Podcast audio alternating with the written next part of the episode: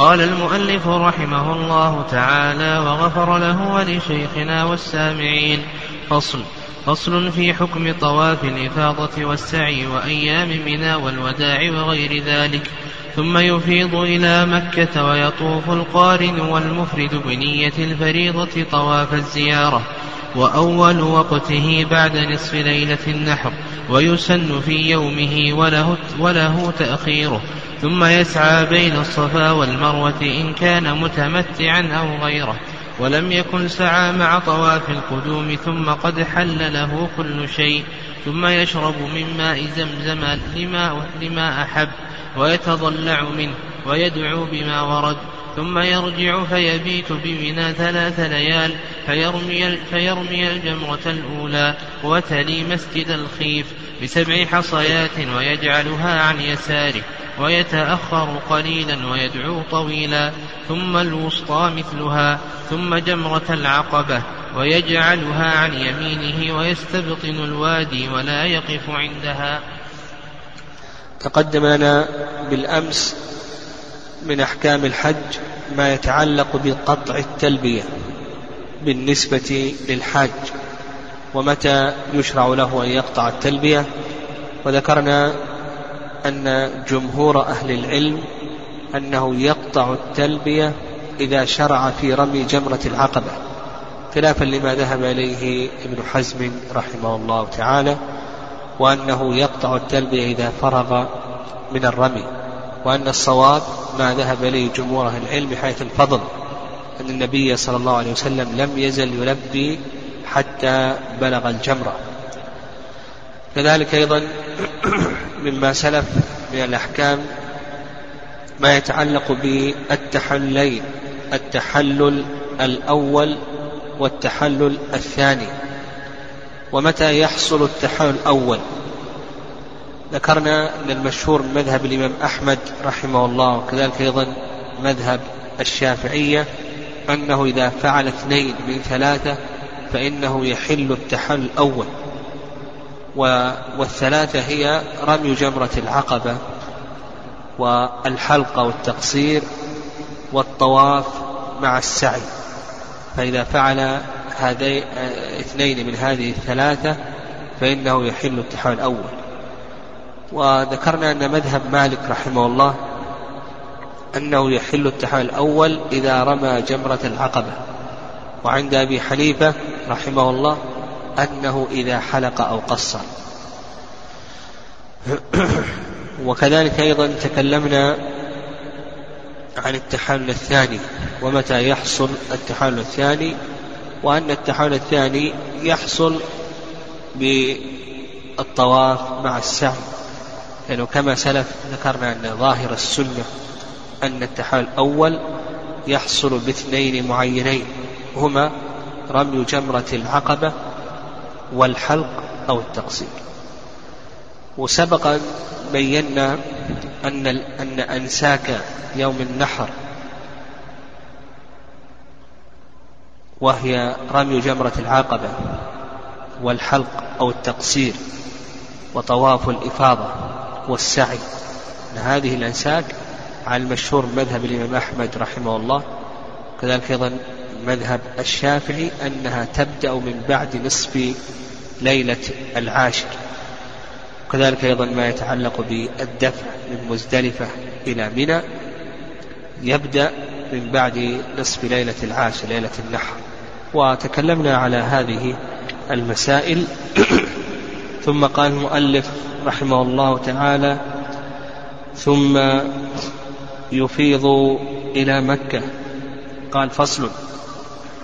ثم يفيض إلى مكة ويطوف القارن والمفرد بنية الفريضة طواف الزيارة. قول المؤلف رحمه الله تعالى ثم يفيض إلى مكة. هذا الفصل عقده المؤلف رحمه الله تعالى لبيان أحكام طواف الإفاضة والسعي وما يتعلق بأحكام أيام منى والتعجل وطواف الوداع. وقول المؤلف رحمه الله ثم يفيض إلى مكة هذا مأخوذ من حديث جابر رضي الله تعالى عنهما الطويل.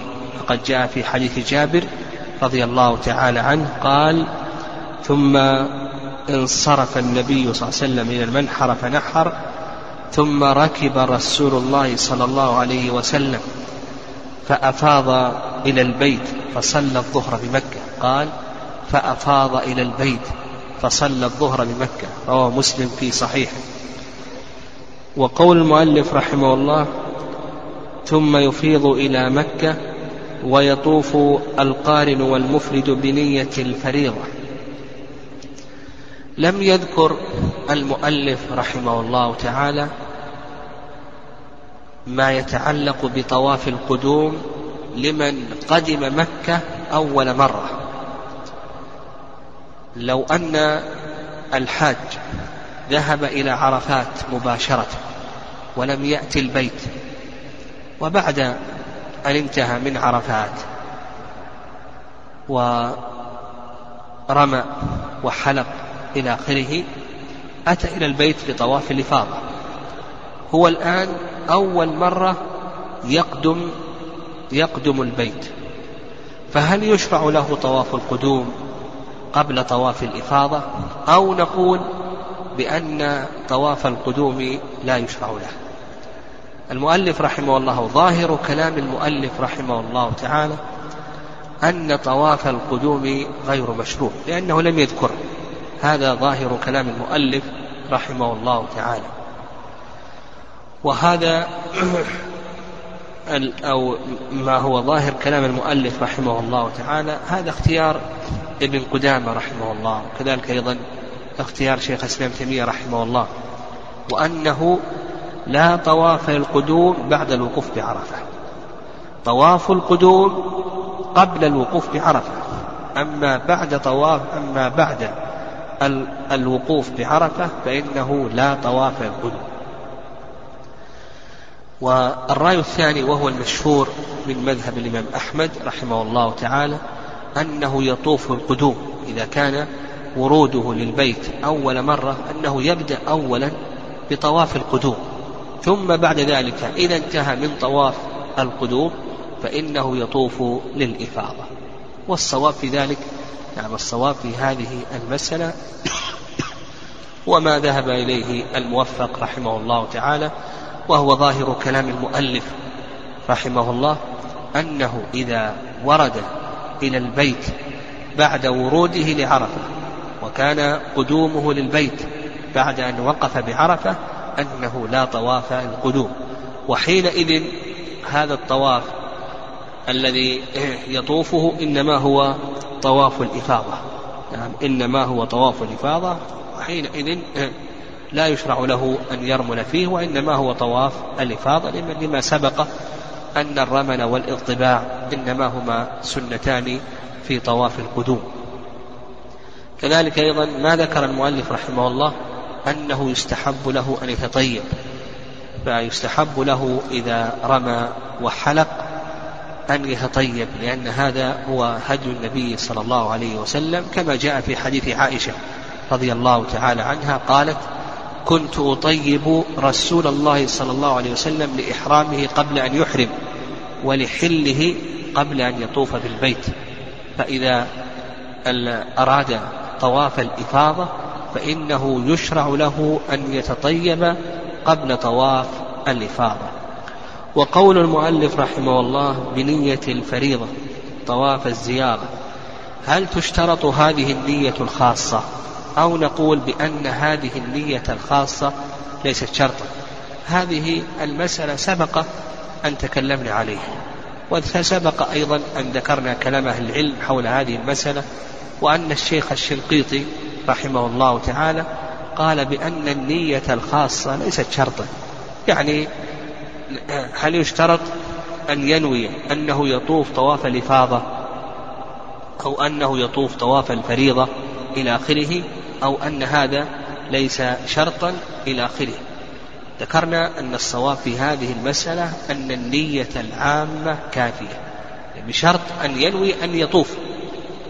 أما لو نوى عدم الطواف كما لو نوى أن يدور مع شخص أو أن يلحق غريما أو نحو ذلك فإنه لا يجزئ لكن لو نوى الطواف وغاب عن ذهنه أن هذا الطواف هو طواف الإفاضة أو هو طواف الفريضة فإنه يجزئ. لما سبق آه، أن بينا أن النية الخاصة ليست شرطا. وطواف الإفاضة ركن من أركان الحج بالإجماع وقد حكى ابن المنذر رحمه الله تعالى الإجماع على ذلك. وكذلك أيضا حكاه ابن قدامة وابن هبيرة رحمهم الله. قال وسيأتينا إن شاء الله في تعداد أركان الحج. قال المؤلف رحمه الله وأول وقته بعد نصف ليلة النحر ويسن في يوم. طواف الإفاضة له وقتان. الوقت الأول وقت استحباب. والوقت الثاني وقت جواز. ومن العلماء من يضيف وقت وجوب كالحنفية والمالكية. أما بالنسبة لوقت الاستحباب فنقول بأن وقت الاستحباب أن يكون ضحى يوم النحر كما دل لذلك حديث جابر وابن عمر رضي الله تعالى عنه فإن النبي صلى الله عليه وسلم أفاض يوم النحر. وأما بالنسبة لوقت الجواز فإن بدءه يبدأ. المؤلف رحمه الله يقول من بعد نصف ليلة النحر من بعد نصف ليلة النحر.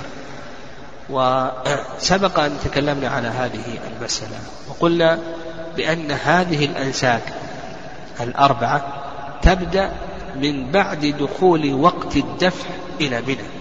والمشهور من مذهب الإمام أحمد ومذهب الشافعي أن وقت الدفع من مزدلفة إلى منى يكون متى؟ بعد منتصف ليلة النحر وسبق أن ذكرنا أن الحنفية والمالكية أن أن وقت الدفع عندهم يبدأ من بعد طلوع الفجر بلحظة لأنهم يرى نعم الحنفية نعم من بعد طلوع الفجر عندهم بلحظة لأنهم يرون أن المبيت الواجب إنما يكون بعد طلوع الفجر ولو قدر لحظة. والصواب في هذه المسألة كما سلف أن وقت طواف الإفاضة أنه يبدأ من بعد دخول وقت الدفع من مزدلفة إلى منى على حسب ما سبق تقريره. أيضا المالكية نعم المالكية مع أنهم قالوا بأن وقت بأن وقت الدفع من مزدلفة إلى منى بعد قدر حط الرحل سواء كان ذلك من أول الليل أو من وسطه أو من آخره إلا أنهم مع ذلك يرون أن وقت طواف الإفاضة يبدأ من بعد طلوع الفجر. وعلى كل حال كما أسلفنا نقول الخلاصة في ذلك أن وقت طواف الإفاضة يبدأ من بعد دخول وقت الدفع من مزدلفة إلى منى. وأما بالنسبة لنهايته فإنه لا حد له. والعلماء رحمهم الله تعالى يقولون بأن وقته العمر يقولون بأن وقته العمر. ما لم يطف طواف الإفاضة فإنه لم يتحلل التحول الثاني. عندنا طواف الإفاضة والسعي والحلق أو التقصير هذه الأنساك الثلاثة لا حد لوقتها لا حد لوقتها. لكن عند المالكية يقولون إذا أخرت عن شهر ذي الحجة فإنه يلزم فيها دم. وعند الحنفية يقول إذا أخرت عن أيام التشريق فإنه يلزم فيها دم خلافا للشافعية والحنابلة رحمهم الله. فتلخص لنا بالنسبة لوقت طواف الإفاضة أنه يبدأ من بعد دخول وقت الدفع من مزدلفة إلى منى وأما نهايته فلا حد له. وأما بالنسبة لوقت الاستحباب فذكرنا أن وقت الاستحباب أنه ضحى يوم النحر. قال المؤلف رحمه الله ويسن في يومه لما تقدم من حيث جابر رضي الله تعالى عنه ولقول ابن عمر رضي الله تعالى عنهما أفاض رسول الله صلى الله عليه وسلم يوم النحر؟ قال وله تأخيره نعم. نعم يقول لك المؤلف رحمه الله له أن يؤخره عن أيام منى. كذلك أيضا له أن يؤخره عن شهر ذي الحجة لأنهم يرون أنه لا حد لآخر وقته وأن وقته العمر. قال رحمه الله ثم يسعى بين الصفا والمروة إن كان متمتعا. يقول المؤلف رحمه الله تعالى ثم يسعى بين الصفا والمروة إن كان متمتعا أو غيره ولم يكن سعى مع طواف القدوم. الحاج لا يخلو من ثلاث حالات. الحالة الأولى أن يكون مفردا. فإذا كان مفردا فإنه لا يلزمه إلا سعي واحد. يعني إذا كان مفردا فإنه لا يلزمه إلا سعي واحد فقط. وعلى هذا إذا سعى بعد طواف القدوم فإنه لا يلزمه أن يسعى مرة أخرى. الحالة الثانية أن يكون قارنا. فالقارن هل يكفيه سعي واحد أو لا بد من سعيين؟ جمهور العلماء أن القارن يكفيه سعي واحد. هذا ما عليه جماهير العلماء. والرأي الثاني رأي الحنفية أن القارن لا بد أن يسعى سعيه. ودليل الجمهور حيث عائشة رضي الله تعالى عنها فإن النبي صلى الله عليه وسلم قال لها وكانت قارنة يجزئ عنك طوافك بالبيت وبالصفا والمروة لحجك وعمرتك. قول النبي صلى الله عليه وسلم لعائشة يجزئ عنك طوافك بالبيت وبالصفا والمروة لحجك وعمرتك. وعائشة رضي الله تعالى عنها كانت قارنة رواه مسلم في صحيح. الحنفية كما ذكرنا الحنفية يقولون بأن القارن يلزمه سعيان.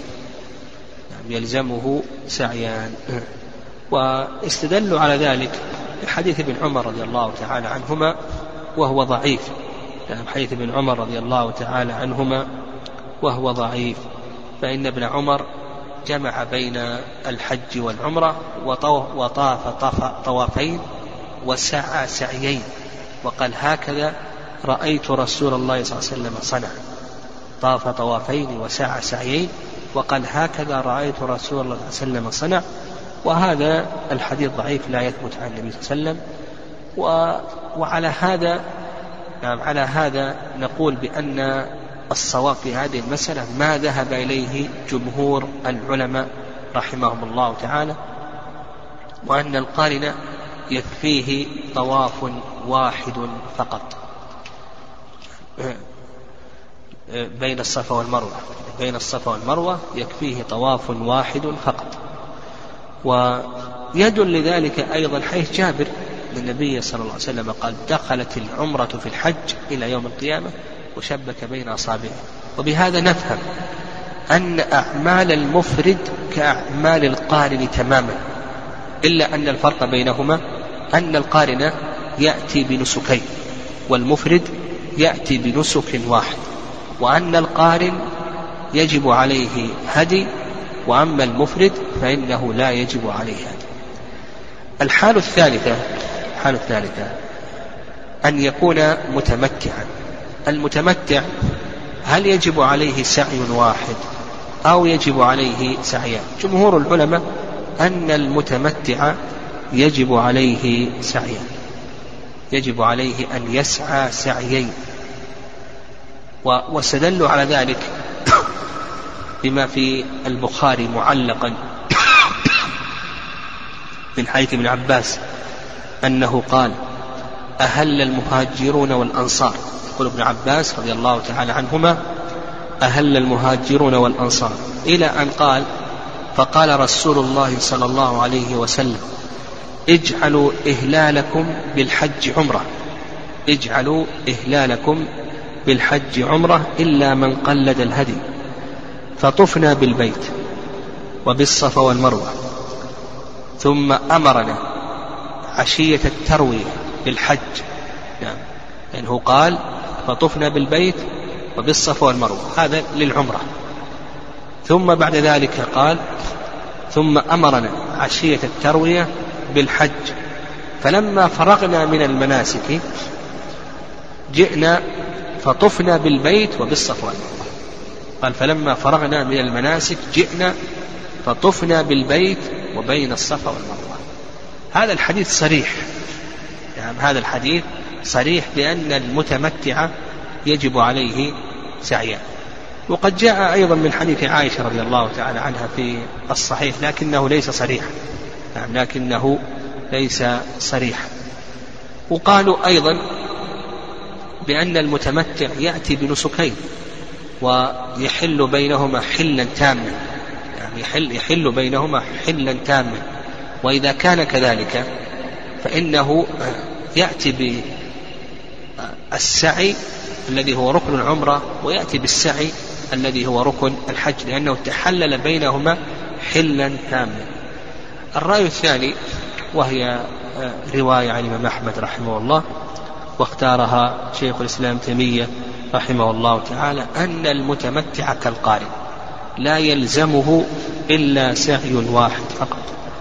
واستدلوا على ذلك بحديث جابر وفيه نعم. قال لم يطف النبي صلى الله عليه وسلم ولا أصحابه بين الصفا والمروة إلا طوافا واحدا قال لم يطف النبي صلى الله عليه وسلم ولا أصحابه بين الصفا والمروة إلا طوافا واحدا رواه مسلم في صحيحه. وقوله وأصحابه مع أن كثيرا من الصحابة رضي الله تعالى عنهم. كثير من الصحابة ما كان معه هدي متحلل. كان ماذا؟ متمتعا يعني أمر النبي صلى الله عليه وسلم الصحابة رضي الله عنهم كل من لم يسق الهدي. كثير من الصحابة ما ساق الهدي. يعني ومع ذلك يقول جابر لم يطف النبي صلى الله عليه وسلم ولا أصحابه بين الصفا والمروة إلا طوافا واحدا. وحديث ابن عباس الذي علقه البخاري هذا يعني ضعف هذا الحديث وأنه لا يثبت يعني أنه غير ثابت. وعلى هذا والله أعلم يعني القول بما اختاره الشيخ الإسلام تيمية رحمه الله قوي لكن ال ال ال ال يعني عند تكافؤ الأدلة يأتي الاحتياط هنا يأتي الاحتياط. نقول المسلم يحتاط لدينه وخصوصا أن السعي يتعلق به التحلل فنقول يحتاط لدينه ويسعى سعيه. اللهم نعم يحتاط لدينه ويسعى سعيه وله أصل له أصل في ذلك وهذا قول جماهير العلماء رحمهم الله. لكن لو أن الإنسان نقص من السعي يعني أتى بما يخل السعي أو أنه نسي السعي أو نقص السعي أو نحو ذلك ثم بعد ذلك غادر مكة فإنه لا يقال له بأنه يجب عليك أو أنك ما تحللت نعم أو يجب عليك أن ترجع ونحو ذلك. وهذه يعني مسألة نبه عليها الشيخ السعدي رحمه الله. يعني في مقام الفتوى في مقام الفتوى يفرق بين وخصوصا عند التكافؤ إلى دلة يفرق بين الفتوى قبل الوقوع وبين الفتوى بعد الوقوع وخصوصا فيما يتعلق بمناسك الحج. فنقول قبل الوقوع نقول للمسلم احتط لدينك واسعى سعيه كما قلنا في الطهارة في الطواف. المسلم يحتاط ويطوف لكن لو أنه نسي أو سبقه الحدث ونحو ذلك كما يوجد في حال الزحام ونحو ذلك فأن القول بأن طوافك باطل ونحو ذلك مع قوة الأدلة في المسألة هذا فيه شيء. لكن الاحتياط مع السعة يحتاط المسلم. قال المؤلف رحمه الله ثم قد حل له كل شيء. قال ثم يشرب من ماء زمزم. يعني يستحب إذا طاف طواف الإفاضة أن يشرب من ماء زمزم ويدل ذلك حديث جابر. رضي الله تعالى عنهما فإن النبي صلى الله عليه وسلم أتى بني عبد بني عبد المطلب وهم يسقون فناولوه فشرب وهو مسلم. أتى بني عبد المطلب وهم يسقون فناولوه فشرب. قال لما أحب كما جاء في حديث ابن عباس رضي الله تعالى عنهما ماء زمزم لما شرب له. ماء زمزم لما شرب له. وهذا الحديث رواه الدار قطني والحاكم وصححه الحاكم. قال ويتضلع منه يعني يملأ ضلوعه من ماء زمزم لأنه ماء مبارك يعني ماء مبارك. النبي صلى الله عليه وسلم يقول طعام طعم في صحيح مسلم طعام طعم وفي غير مسلم وشفاء سقم يعني وفي وشفاء سقم فيقول المؤلف رحمه الله يتضلع منه يعني يملأ ضلوعه من ماء زمزم. ويدل لذلك ما ورد عن ابن عباس رضي الله تعالى عنهما مرفوعا إن آية ما بيننا وبين المنافقين أنهم لا يتضلعون من ماء زمزم. رواه ابن ماجه صححه البوصيري في زوائده. قال ويدعو بما ورد. نعم يدعو يدعو بما ورد. نعم لم يرد عن النبي صلى الله عليه وسلم شيء في ذلك لكن الذي جاء في حديث ابن عباس ماء زمزم لما شرب له إن شربته للاستشفاء يشفيك الله عز وجل وإن شربته لطلب العلم يرزقك الله علما وإن شربته للرزق رزقك الله مالا إلى آخره. بمعنى أنه سبب من الأسباب. يعني ماء زمزم سبب من الأسباب كسائر الأسباب. يعني كما أن الدعاء سبب الإنسان يدعو. قد يستجيب الله عز وجل هذه الدعوة ويحققها له وقد لا يستجيبها. ونقول المسلم مأمور أن يفعل الأسباب. مأمور أن يفعل الأسباب. لكن قد يتخلل قد يتخلف المسبب لحكمة أرادها الله عز وجل. أنت مأمور أن تفعل الأسباب كالدعاء. تدعو الله عز وجل. وقد يحقق الله عز وجل لك دعوتك. وقد تكون المصلحة أن تدخر لك في الآخرة إلى آخره. يقول المؤلف رحمه الله ويدعو بما ورد. كما قلنا ما ورد شيء عن النبي صلى الله عليه وسلم لكن ورد عن ابن عباس رضي الله تعالى عنهما. أنه كان يقول اللهم إني أسألك علما نافعا ورزقا واسعا وشفاء من كل داء. اللهم إني أسألك علما نافعا ورزقا واسعا وشفاء من كل داء. كذلك أيضا ورد عن ابن عباس رضي الله تعالى عنهما أنه يستقبل قبلة وأنه يشرب ثلاثا وأنه يسمي أما التسمية فهي ثابتة في السنة. عند الطعام سواء كان زمزم أو غيره. كذلك أيضا التنفس ثلاثا هذا وارد في السنة من حيث أنس. أما استقبال القبلة فهذا ورد عن ابن عباس رضي الله تعالى عنهما في سنن ابن ماجه. قال المؤلف رحمه الله تعالى ثم يرجع فيبيت بمنى ثلاث ليال. يعني بعد أن يطوف طواف الإفاضة ويسعى سعي الحج يرجع فيبيت بمنى. ثلاث ليال. وفي حديث جابر رضي الله تعالى عنهما أن النبي صلى الله عليه وسلم صلى الظهر بمكة. وفي حديث ابن عمر رضي الله تعالى عنهما أن النبي صلى الله عليه وسلم صلى الظهر بمنى. وكلا الحديثين صحيح. يعني كلا الحديثين صحيح. حديث ابن عمر في الصحيحين وحديث جابر في مسلم. واختلف العلماء رحمهم الله كثيرا في الجمع بينهما. وأقرب الأقوال في الجمع بين الحديثين أن النبي صلى الله عليه وسلم صلى الظهر بمكة ثم خرج إلى منى فوجد أصحابه لم يصلي فصلى بهم وحينئذ آه، يؤخذ من هذا يعني يؤخذ من هذا شرعية إعادة الجماعة مرة أخرى إذا وجد السبب يشرع أن تعاد الجماعة مرة أخرى إلى آخره. قال فيبيت بمنى.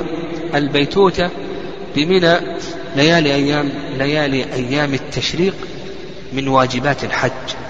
وهذا ما عليه جمهور العلماء رحمهم الله خلاف الحنفية.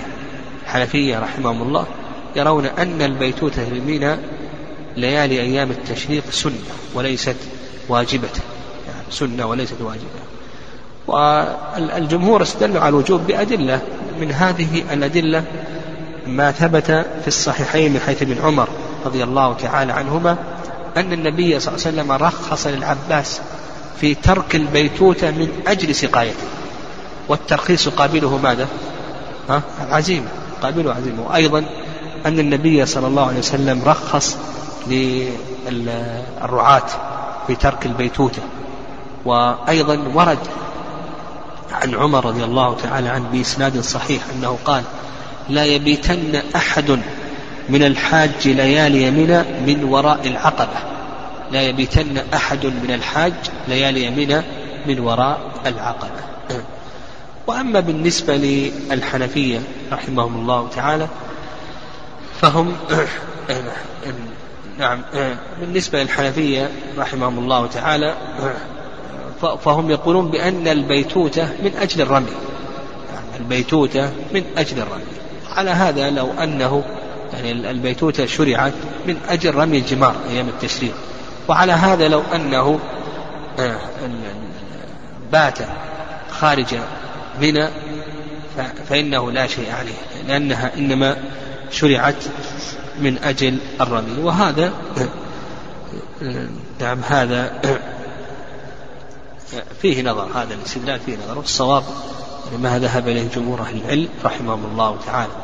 لكن نفهم أن البيتوتة بمنى أخف من البيتوتة بمزدلفة.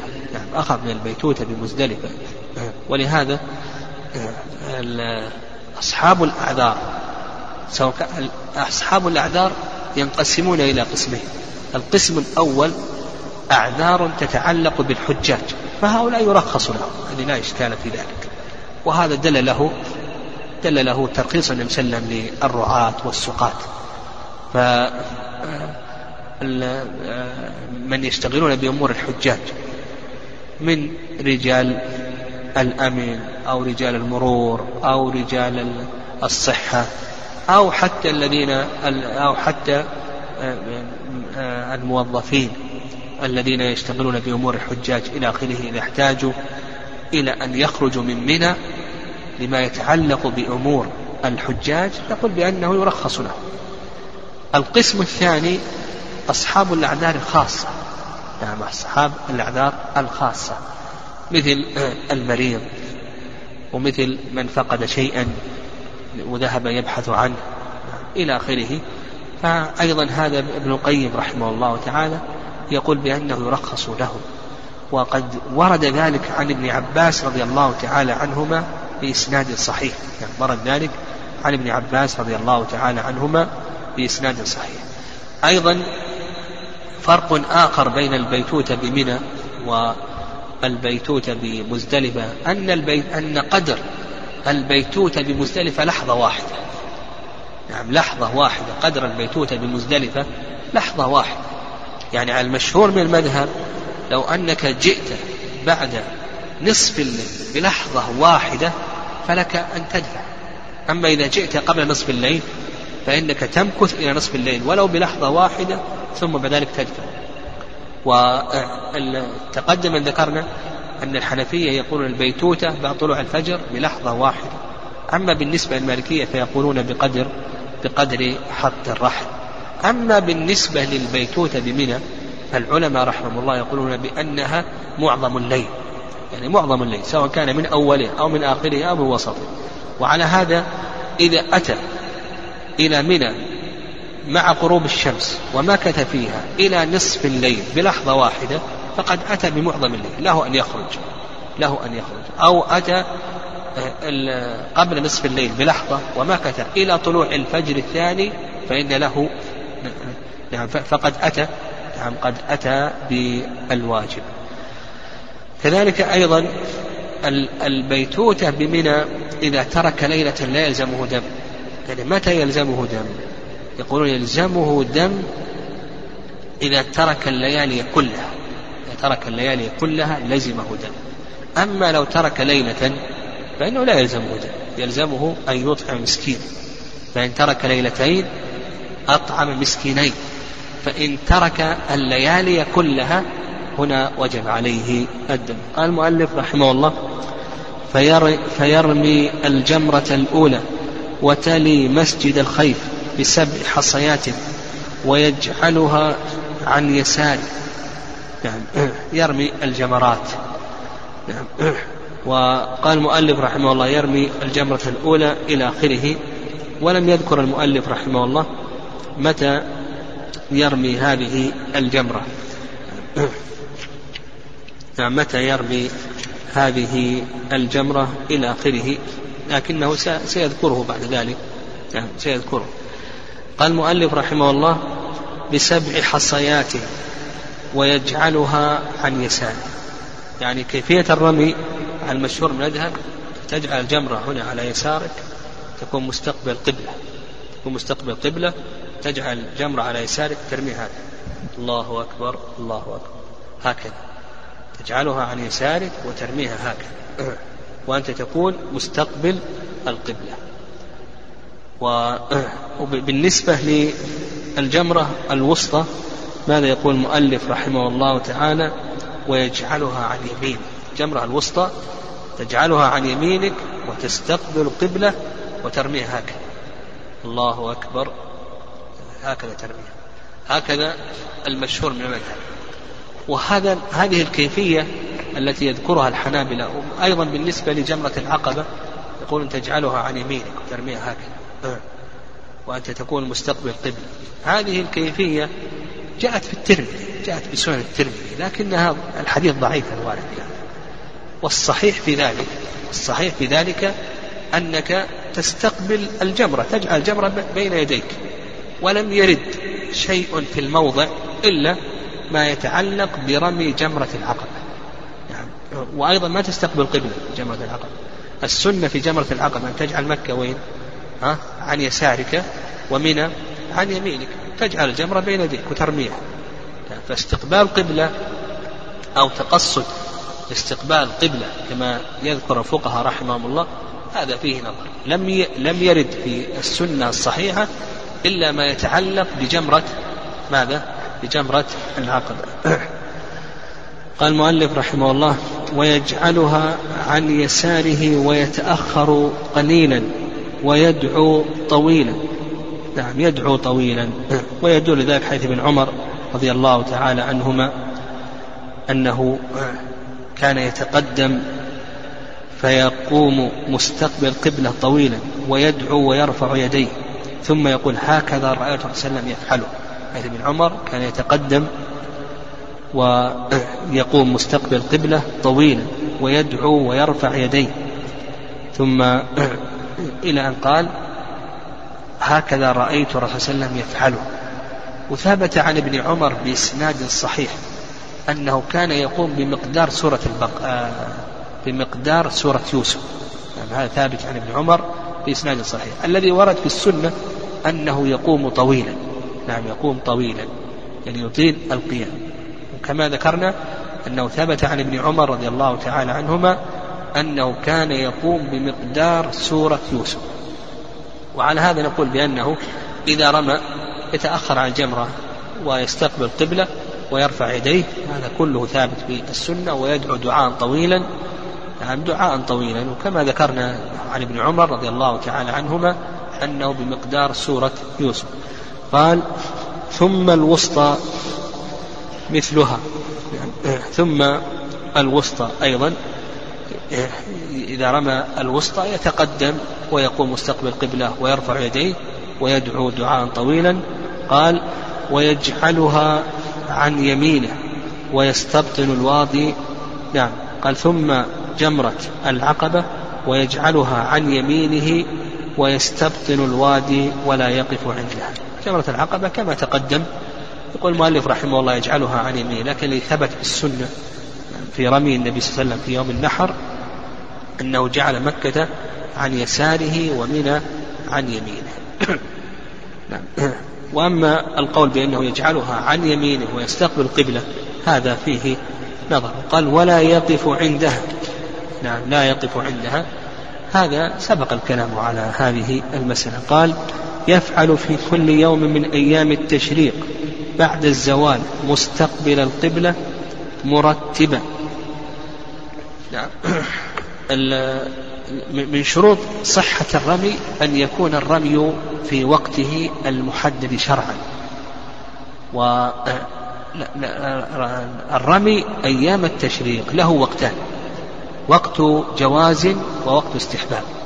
أما وقت الجواز فقال لك المؤلف رحمه الله تعالى يقول لك المؤلف بعد الزوال. نعم يقول المؤلف رحمه الله تعالى بعد الزوال وهذا ما عليه أكثر العلماء رحمهم الله تعالى. وعند أبي حنيفة رحمه الله تعالى أنه في اليوم الأول بعد الزوال وأما في اليوم الثاني ففيه تفصيل إن أراد التعجل فله أن يرمي قبل الزوال وإن لم يرد التعجل فإنه لا يرمي إلا بعد الزوال. وأما اليوم الثالث فله أن يرمي بعد الزوال قبل الزوال مطلقا. يعني الأيام عند الحنفية هكذا. اليوم الأول بعد الزوال. اليوم الثالث قبل الزوال. يجوز. اليوم الثاني فيه تفصيل. اليوم الثاني فيه تفصيل. إن أراد التعجل له أن يرمي قبل الزوال. وإن لم يرد التعجل فإنه لا يرمي إلا بعد الزوال.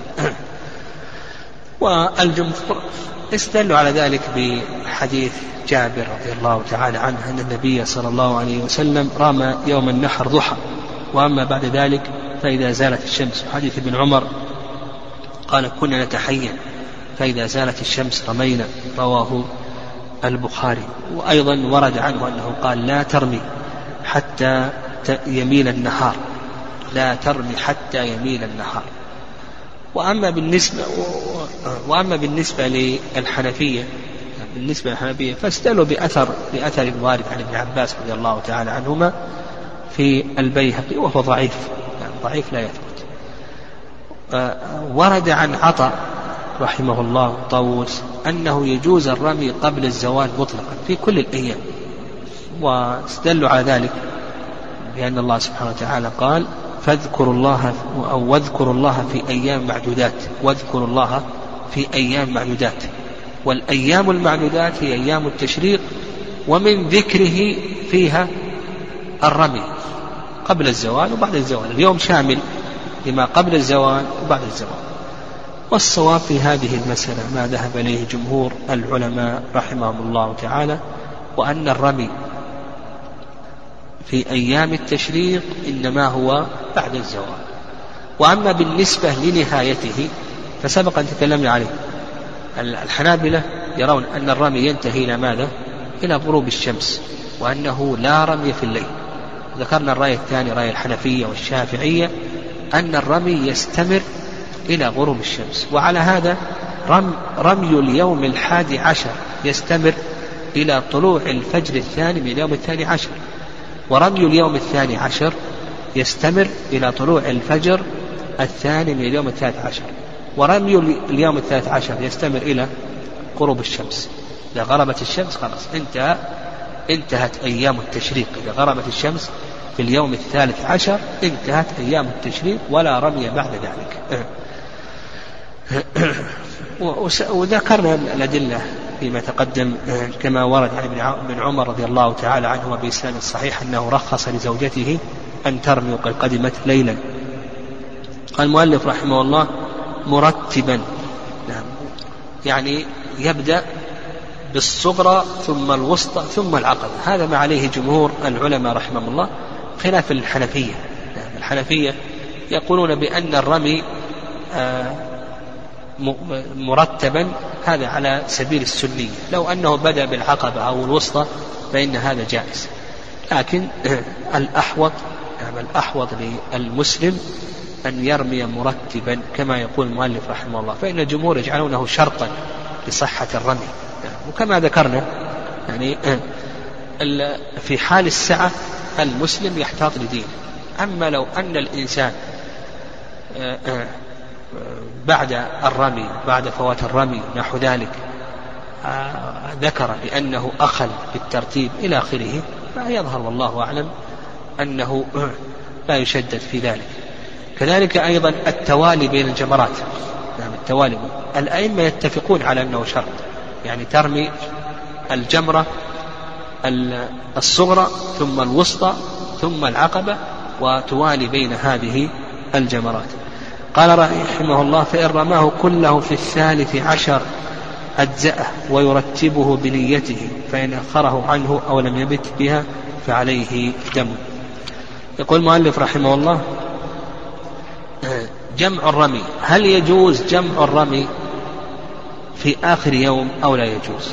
أوسع الناس في ذلك الحنابلة والشافعية. الحنابلة والشافعية يقولون يجوز أن تجمع الرمي كله في آخر يوم. يعني لو أن الإنسان ما رمى يوم النحر ولم يرمي اليوم الحادي عشر ولا الثاني عشر جمع الرمي كله في اليوم ماذا؟ في اليوم الثالث عشر. يقولون بأن هذا جائز ولا بأس به. لكن قال لك المؤلف فإن رماه كله في الثالث أجزأه ويرتبه بنيته.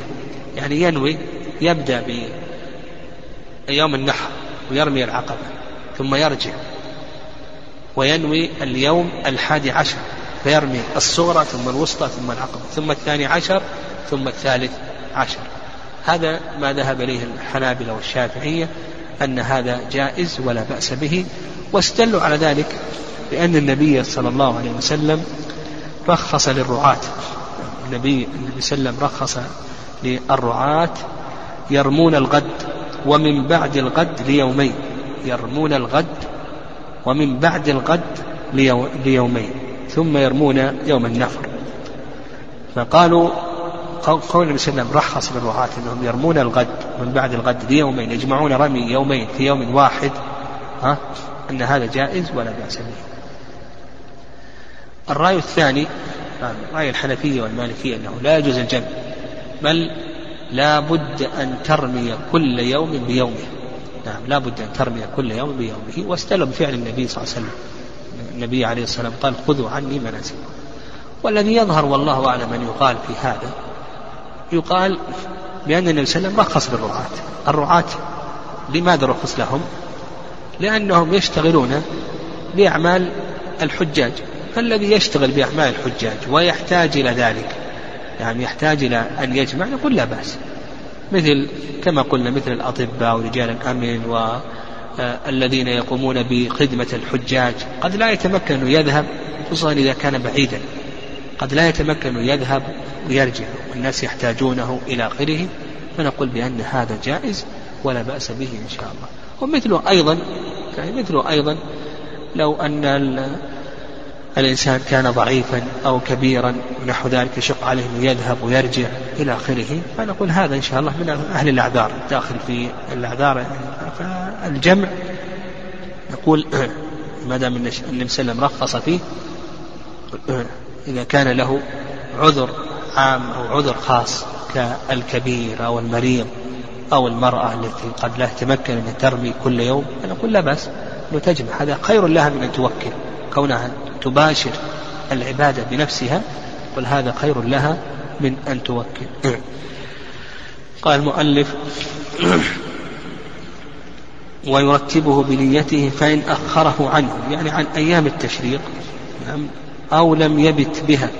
يعني لم يبت بمنى جميع الليالي يقول المؤلف رحمه الله تعالى يلزمه دم لأنه ترك واجبا من واجبات الحج. لو أن الإنسان حصل له عذر ولم يتمكن من الرمي حتى طلع عليه الفجر هل يجوز أن يرمي قبل الزوال أو لا يجوز أن يرمي قبل الزوال؟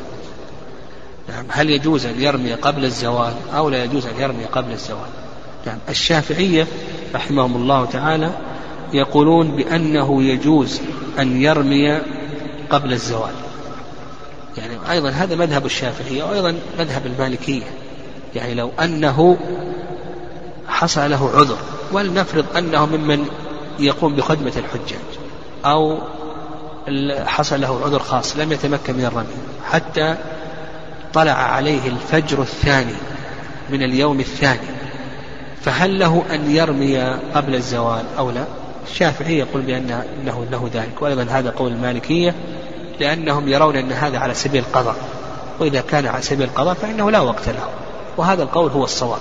وحينئذ نقول لا بأس أن ترمي قبل الزوال إذا كان قضاء عن يوم سابق. قال المؤلف رحمه الله تعالى ومن تعجل في يومين. من تعجل في يومين خرج قبل الغروب وإلا لزمه المبيت والرمي من الغد. والمؤلف رحمه الله تعالى ومن تعجل في يومين خرج قبل الغروب. هذا ما عليه جمهور العلماء رحمهم الله تعالى خلاف الحنفية. فإن الحنفية يرون أن أن من أراد التعجل أنه يخرج ولو بعد الغروب إلى طلوع الفجر الثاني. يعني يرون أن مدة التعجل تمتد إلى طلوع إلى طلوع الفجر الثاني. هذا المشهور عند الحنفية رحمهم الله تعالى. والصواب في هذه المسألة ما ذهب إليه جمهور العلماء رحمهم الله تعالى. لأن الله سبحانه وتعالى قال فمن تعجل في يومين فلا إثم عليه ومن تأخر فلا إثم عليه. تعجل في يومين يكون قبل غروب الشمس أما إذا غربت الشمس فإنه لم يتعجل في يومين. يعني إذا غربت الشمس فإنه لم يتعجل في يومين. كذلك أيضا ورد عن عمر رضي الله تعالى عنه أنه قال من أدركه المساء في اليوم الثاني فليقم إلى الغد. ثابت عن عمر رضي الله تعالى عنه بإسناد صحيح. من أدركه المساء في اليوم الثاني فليقم إلى الغد.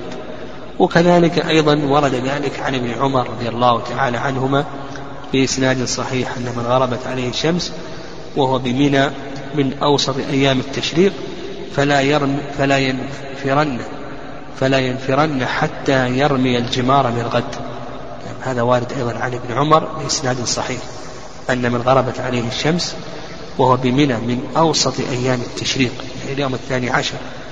فلا ينفرن حتى يرمي الجمار من الغد رواه الإمام مالك في الموطأ بإسناد صحيح. قال وإلا لزمه المبيت كما جاء في الآثار عن الصحابة رضي الله تعالى عنهم والرمي من الغد. طيب لو أدركه الغروب. لو أدركه الغروب وهو في طريقه الخروج من منى فله أن يتعجل. كذلك أيضا لو أدركه الغروب وهو يشد رحله فنقول بأن له أن يتعجل. كذلك أيضا لو أدركه الغروب وقد شرع في الرمي يعني قد شرع في الرمي إلى آخره فيظهر والله أعلم أن له أن يتعجل لأنه أخذ في أسباب في أسباب التعجل. لكن لو أدركه الغروب قبل أن يشرع في الرمي فيظهر والله أعلم أنه ليس له أن يتعجل. وإذا تعجل إذا تعجل وأراد أن يرجع إلى منى لحاجة أو نحو أو ليبيت أو نحو ذلك فنقول بأن هذا جائز ولا بأس به. المهم أنه يخرج من منى قبل غروب الشمس بنيه التعجل. فإذا خرج من منى بنيه التعجل ثم بعد ذلك بدا له أن يرجع إلى منى آه، لكي يبيت أو لحاجة أو نحو ذلك. فنقول بأن هذا جائز ولا بأس به إن شاء الله. آه. أيضا الذين يقيمون خارج منى نعم الذين يقيمون خارج منى إلى آخره حيث أنه لم يجد مكانا في منى فهذا آه، يرمي قبل الغروب فقط. نعم يرمي, يرمي قبل الغروب. إليه التعجب ويكفيه ذلك. يعني يرمي قبل الغروب وينوي التعجل ولو رجع إلى محله لأن محله خارج. يعني لأن محله خارج منه. قال رحمه الله وإن لزمه المبيت والرمي من الغد فإذا أراد الخروج من مكة لم يخرج حتى يطوف للوداع. نعم طواف الوداع هذا واجب من واجبات الحج كما هو المشهور مذهب الإمام أحمد والشافعية وعند الحنفية والمالكية أنه سنة. عند الحنفية والمالكية أنه سنة. والصواب في ذلك أنه واجب ويدل لذلك حيث ابن عباس رضي الله تعالى عنهما قال أمر الناس أن يكون آخر عهدهم بالبيت إلا أنه خفف عن الحائض فقوله أمر الأمر هذا يقتضي ماذا؟ الوجوب وأيضا قوله خفف عن الحائض يدل على أيضا يدل على الوجوب وأنه لم يخفف عن الحائض. طيب بالنسبة لطواف الوداع يعني بالنسبة لطواف الوداع متى يكون طواف الوداع؟ جمهور العلماء أن طواف الوداع يكون بعد الفراغ من أعمال الحج. لا بد أن يفرغ تماما من أعمال الحج.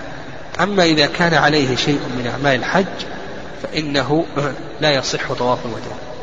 وعند الحنفية يعني أن طواف الوداع يكون بعد الفراغ من طواف الإفاضة.